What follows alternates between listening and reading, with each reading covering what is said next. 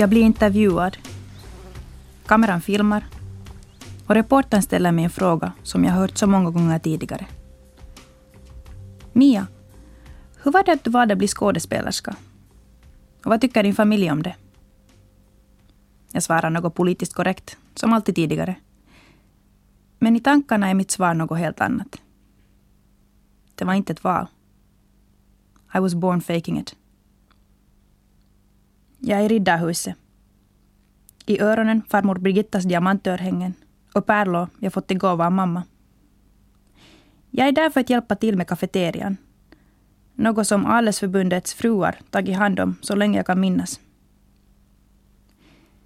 Jag springer in bakvägen för att föra silvret som mamma lånat för dukningen och smyger iväg för att catcha upp med min farbror som har det senaste skvallret om det finlandssvenska adeln. Han berättar vem som är på plats och vad som händer. Han kommenterar mina örhängen. Är det Birgittas gamla diamanter du har? Sen frågar han om jag redan hittat det Ernrotska vapnet på väggen. Klart det. Ernrot 85, svarar jag. Vi går runt i salen och min farbror presenterar mig för folk. Men före jag blir presenterad briefar han mig om vilka människorna är, deras förmögenhet och annat smått och gott som inte behöver nämnas. Jag känner hur mina nya klackskor lite klämmer. Gårdagens stilettklackisar ska ge tanten något att tala om och lämna fula märken i det gamla trägolvet. Jag var glad över valet att lämna dem hemma. Eftersom jag var inte på humör för extra uppmärksamhet nu. Gårdagen var tillräckligt. Thomas fortsätter vidare och jag blir kvar och talar. Fru von Schantz frågar mig vad jag sysslat med under helgen. Jag svarar ingenting märkvärdigt. Var på klubben igår och spelade kort. Vad jag lämnar utanför är att klubblokalen är Bandidos MC officiella klubbhus i Fiskhamnen och personen jag spelade kort med var visst klubbens president. Jag är Mia Ernroth, skådespelare. Och jag är din sommarpratare idag. Jag var 16 år gammal när jag åkte iväg till Milano för att modella. Hade varit i gymnasiet i någon månad, men jag klarade mig inte i skolan. Jag hade dyslexi. Det var för jävligt och kändes som om lärarna mobbade mig. Jag ville bara vara bra. Jag åkte utomlands för att klara mig. Min mamma undrar fortfarande hur hon lät mig åka iväg. Jag var ju bara 16 år. Men till hennes försvar kan jag säga att när jag får känslan är det inget som stoppar mig. Det är en känsla som tar över och för mig framåt. Jag litar på den 100 procent. Även om den ibland för mig till flummigare ställen så har den slutligen alltid styrt mig rätt. Jag sitter i flyget. Jag är van att flyga, men den här resan, den är annorlunda. Jag tackar nej till semlan som flygvärdinnan bjuder på, fast det magen kurrar. Jag vet att jag ska snart vägas och mätas på agenturen och jag vill hålla mig smal. Förväntningarna är skyhöga. Jag har blivit vald av hundratals sökande i Finland. Jag ska bli supermodell. Jag kommer fram till agenturen, känner mig hungrig. Vilken bra sak, för det innebär att jag är slank och fin. Det är flera veckor sedan jag har ätit en ordentlig måltid. Gröt, äppel och tuggummi. Det är min diet. En tjock tant med krulligt hår tar emot mig. hon presenterar sig som min booker. Hon har måttband i handen. Det hade jag förväntat mig. Hon pratar italienska. Hon är glad. Jag förstår inte vad hon säger, men fatta ordet bikini. Hon vill att jag ska byta om för att mätas. Golvet känns lite kallt under fötterna. Känner mig lite naken bland alla människor. Men jag är fin. Jag känner hur de andra modellerna tittar på mig. Bokarna tittar också upp när jag kommer in i rummet. Men energin är annorlunda. De ger mig en snabb blick och fortsätter jobba. Min booker slår upp måttbandet som en piska. Jag tycker det är lite roligt. Måttbandspiskan är nämligen något vi nyligen skämtat om hemma i Finland med andra modellerna. Jag känner mig hemma. Hon mäter mitt bröst. Bandet känns lite kallt. Assistenten skriver upp måtten. Jag drar in magen. Andas inte. Tanten mäter midjan. Måttbandet är inte kallt länge. Assistenten antecknar. Hon mäter höfterna. Stannar upp. Mäter på nytt. Allt stannar upp. Jag kan känna hur temperaturen i rummet sjunker. Kalabalik. Hetsade italienska ord kommer ut ur hennes mun. Jag vet inte vad hon säger. Plockar upp orden grosso, stupido. Det förstår jag. Tjock och dum. Jag tänker, nu åker jag hem. Jag blir inte supermodell. Jag känner hur de andra modellerna stirrar. Jag vill försvinna. Jag märker hur en rysk modell viskar något åt sin kompis. De tittar på mig och skrattar. Jag är en elefant. Jag vill sjunka under jorden. Jag bara står. Kan inte göra något. Kroppen har stelnat. Assistenten rycker svagt till mig och tar mitt höftmått på nytt. Hon stannar upp och ler. Säger något på italienska och stämningen är helt en annan. Bella, bella, molto bella ragazza. Bella känner jag igen. Min vespa hemma i garaget. Min pärfärgade vespa med blå sits som pappa har köpt. Vi har döpt den till Bella. Hemlängtan. Jag vill hem. Nej, Mia. Du kan sakna senare. Nu ska du bli modell. Dags att svälja tårarna. Tuffa upp och fokusera. Jag inser att jag har stått bredbent och att mitt mänskliga värde var fast i två centimeter. Jag är fin igen. Allt är bra. Jag känner mig lite förvirrad. Sväljer tårarna. Svarar med ett leende. Grazie mille. Do you have my castings for tomorrow? Jag ler. Jag är här för att bli supermodell. Fokusera på jobbet och sopa undan känslorna. Det här är en sak jag inte berättar för mamma. Jag har på känn av att den här inte blir den enda saken undan kommande resan som jag låter bli att berätta. Jag ska bli supermodell. Det här med att sopa under känslor är inte bra. I tre år förträngde jag mina känslor i en hård modellvärld där ingenting annat räknades än mått och mängden av tidningsomslag du pryder. Jag höll på att kasta bort mitt viktigaste verktyg. Mina känslor. Det är känslorna jag har gått på när jag gjort mina val i livet. Färdigt lagda planer av släkt och samhälle är inte för mig. Det fick jag lära mig redan på skolbänken. Det var klart från första början. Att skriva och läsa är svårt. Jag har dyslexi. Det gällde att vara påhittig och slug för att klara av min studieplikt. Att fuska är fel. Men det var det enda sättet för mig att komma igenom skolan. Jag kopierade min systers uppsatser, gjorde minneslappar på gummin, gömde luntlappar i penalen och hoppades på det bästa. Min dyslexi blev klarare för alla med åren. I biologiprovet berättade jag om reven när frågan var om renen. Och i matematikprovet hade jag räknat med talet 51 när jag borde ha räknat med talet 15. Inga poäng för mig. Här gällde det igen att skådespela. Inne gjorde det ont. Men jag bjöd på ett leende, skämtade bort situationen och fokuserade på att utveckla mina sociala kunskaper. Skådespelande skulle dra mig genom skolåren. Jag spelade att jag förstod och jag spelade att jag inte hade några problem. Och det fungerade. Ingen mobbade mig. Istället var jag ledare. Jag heter Mia Ernroth och jag är din sommarpratare idag. Jag har just kommit till Aten. Bakom mig har jag tre år av modellande. Inte ung och naiv längre. Jag vet vad jag gör. Jag vet hur businessen fungerar. Jag checkar in i modellhotellet där agenturens modeller bor. Jag träffar min rumskompis. Hon presenterar sig som Jade Nicole, årets playmate. De överstora silikonbrösten och hårförlängningarna bekräftar påståendet. Modeller ljuger ofta, alla vill vara något. Men hennes amerikanska accent, sättet hon skrattar i hög pitch och hur hon putar på sina läppar när hon låtsas fundera gör det klart. Playmate she is, no doubt. Tissarna ser ut som de skulle spricka när som helst. Men det gör de inte. Istället är det min modellbubbla som spricker. Mina tankar svävar tillbaka till diskussionen jag nyligen hade med en agent. Jag vill åka till Japan för att modella. Pengarna är bra där och jag vill åka vidare från Europa.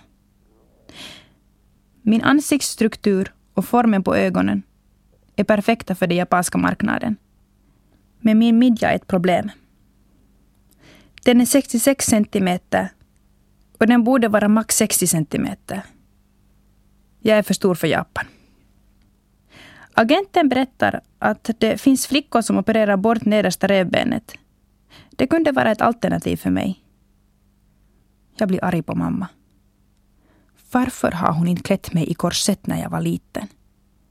Sablar också. Att återhämta mig från en operation skulle ta tid. Det hade jag inte. Jag var redan 19. Idag inser jag hur absurd tanken är. Men då, i denna stund, var det naturligt. Jag tänker att Jade kan ha kontakter till bra kirurger och att jag behöver lära känna henne bättre. Kanske hon kan ge mig några tips. Vi går upp till terrassen för att mingla med de andra modellerna. På taket ställer jag Jade en fråga. Svaret får mig att göra karriärbyte. Jag inser att det är dags att sluta med modellande efter en diskussion jag har med Jade, Playmate of the year 2008, på hotelltaket. Vi sitter och njuter av kvällssolen. Vi har drinks i handen. En mojito. Färska myntan gör susen och det kalla glaset känns bra i handen. Jade berättar om hur hennes första Playmate-fotografering gick. Hur det kändes att posera naken. Hon berättar att hon visste att hon gjorde rätt val när Herren själv, Hugh Hefner, kom på plats och sa Jade, you're a very special girl. De andra modellerna tittar på henne med avundsjuka. Den kanadensiska sillisblondinen håller med och säger att om Hugh verkligen sa så där så måste det vara sant.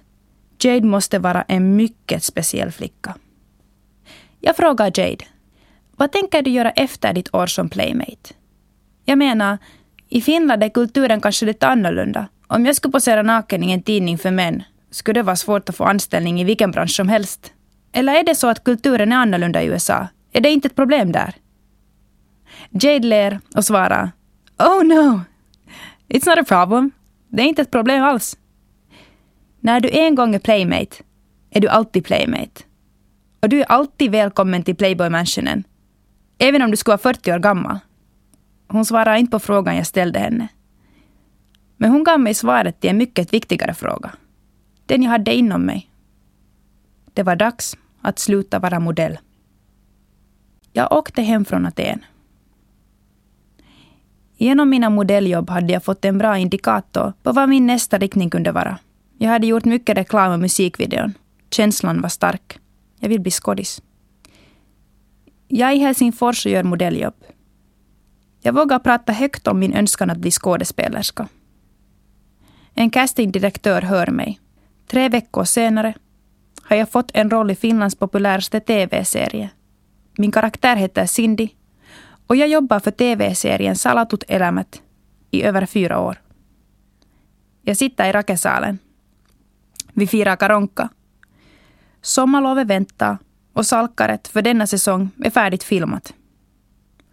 Programchefen för MTV3 stiger upp på scenen. Hon håller ett tal. Hon är bra på tal. Alla skrattar.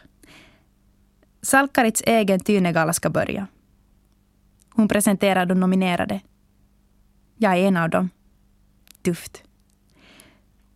Tyne för årets kvinnliga skådis går till Mia Ernroth. Nice. Det vill jag nog posta på Facebook. Hm. Det måste vara ett tröstepris för lönen de betalar mig. Ingenting att hänga i julgranen. Jag går upp på scenen, kramar kanalchefen och tackar programchefen. Jag håller ett flummigt tal och priset dedikerar jag till manusförfattarna. Det gäller att vara på bra fot med dem om man vill hålla sitt jobb. I feel like a million bucks. Euforia. Det är dags att fira. Galan är slut. Jag plockar upp rocken från knaggen, gömmer en tia i handflatan som jag ger till dörrvakten som tack för smidigt inträde. Vi kommer ut på Robban. Tänder en Kent mentol. Det har jag rökt sedan jag var tonåring.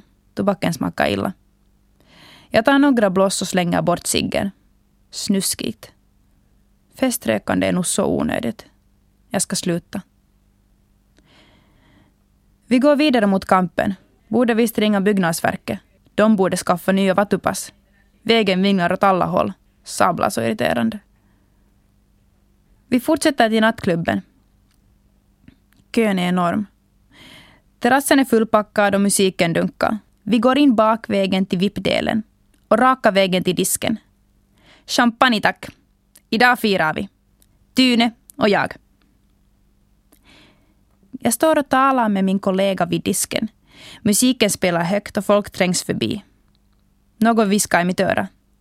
Hej rakas! Jag svänger om. Det är min bästa väninna. Hon har hoppat upp på bardisken. Sitter med fötterna i kors som en lady och ler. Ett glas champagne för dig och en shot för Tyne. Grattis gumman. Jag visste att du skulle få priset. Hon jobbar för klubben. Det är därför vi är där. Vi står ute på terrassen. Vinden känns skön i ansiktet. Vi tittar ut över hela Helsingfors. Jag känner mig som en rockstjärna. Två sportiga killar kommer fram. De vill ha min autograf för sina döttrar. Jag skriver. Tuschen fastnar lite dåligt på flyers som de har fått från baren. Men pennan gör jobbet. Killarna skämtar något och vi skrattar. De är motorcykelfanatiker som jag. Vad roligt. Lamporna kommer på i nattklubben och den stängs. Dags att åka på efterfest. En stor taxi väntar på gården och vi hoppar in. Vi kommer till efterfesten. Killen håller upp dörren. Jag hör gallret låsas bakom mig. Jag presenterar mig till andra och skriver några autografer till. Det bjuds på mat. Vi spelar kort och jag har en intressant diskussion med en av killarna. Och han berättar om sin barndom och jag berättar om min. Han berättar att det är första gången han talar med en adlig. Jag tycker han är supertöntig. Jag får lite kallt och en av killarna sätter en hoppare, alltså en munkjacka, över mina axlar. Så snällt av honom. Jag tackar. Jag presenterar Tyne för dem. De skrattar. Hon har visst haft en tuff kväll, säger en av killarna. Då märker jag att foten har gått av. Sablar. Nå, pappa kan fixa det. Jag går in på toan för att fräscha upp mig. Kikar i spegeln. Hoppare har aldrig suttit bra på mig och svart är nog inte min färg. Läser texten på bröstet. Support Bandidos MC. Oj då. Jag känner mig trött. Det är dags att åka hem.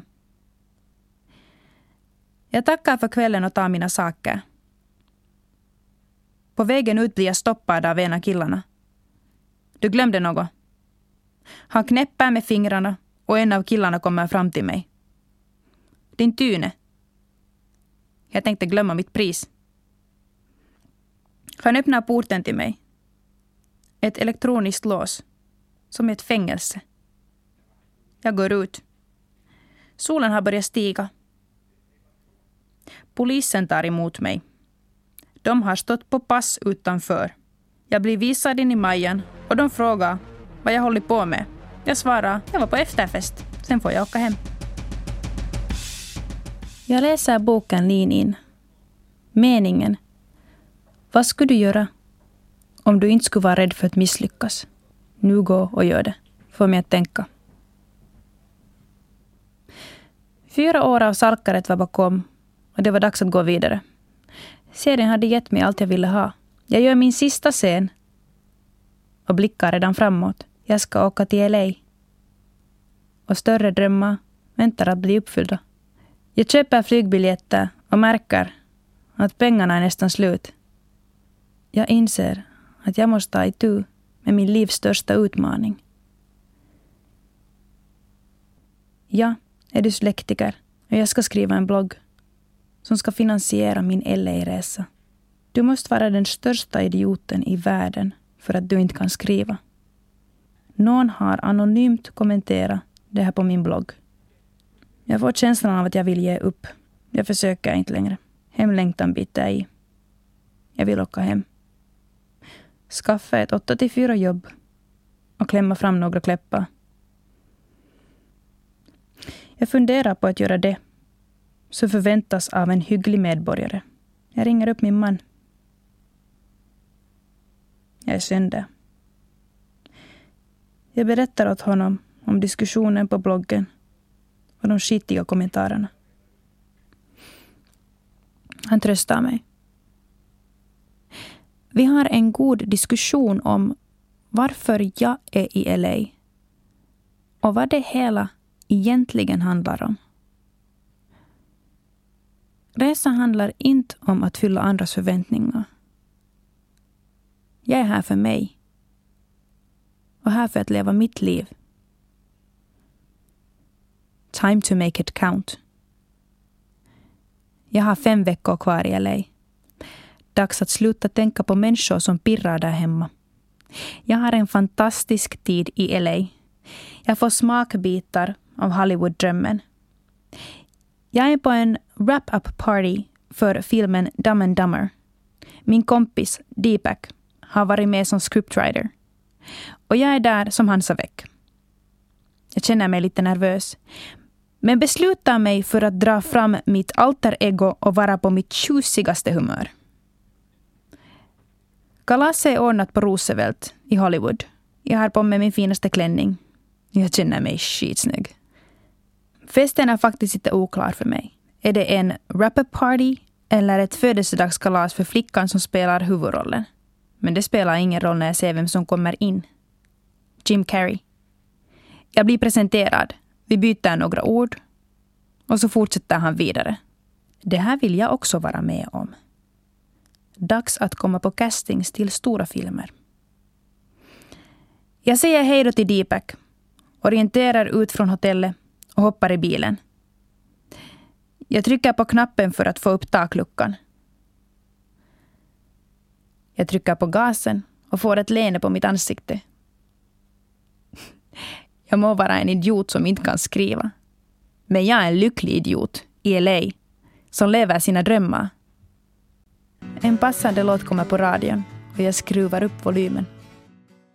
Jag sitter backstage efter första Dancing on Ice direktsändningen. Los Angeles är inte längre i tankarna. Brunnen har jag nog kvar. Men nu fokuserar jag på annat. Uppvisningen gick perfekt. Adrenalinet susar i öronen. Och energin är otrolig. Produktionsbolagets chef kommer in och tackar alla. Champagneflaskan korkas upp och första efterfesten har börjat. Det är den största showen som någonsin gjorts i Finland och första sändningen är en framgång. Min telefon piper. Pip, pip. Jag har fått flera sms. Min man skriver Snyggt jobbat. Du var bäst. Domarna gav dig dåliga poäng för att du var så bra. De uppmuntrar de som inte vågar. Grattis älskling. Och en av mamma. Min fina, modiga, tuffa Mia. Så stolt över dig. Jättefint jobbat. Din personliga stil är guld. Fortsätt så. Jag får en rush. Jag är super-Mia. Ingenting kan stoppa mig. Ingen kan skada mig. Ultimate high. Jag svävar.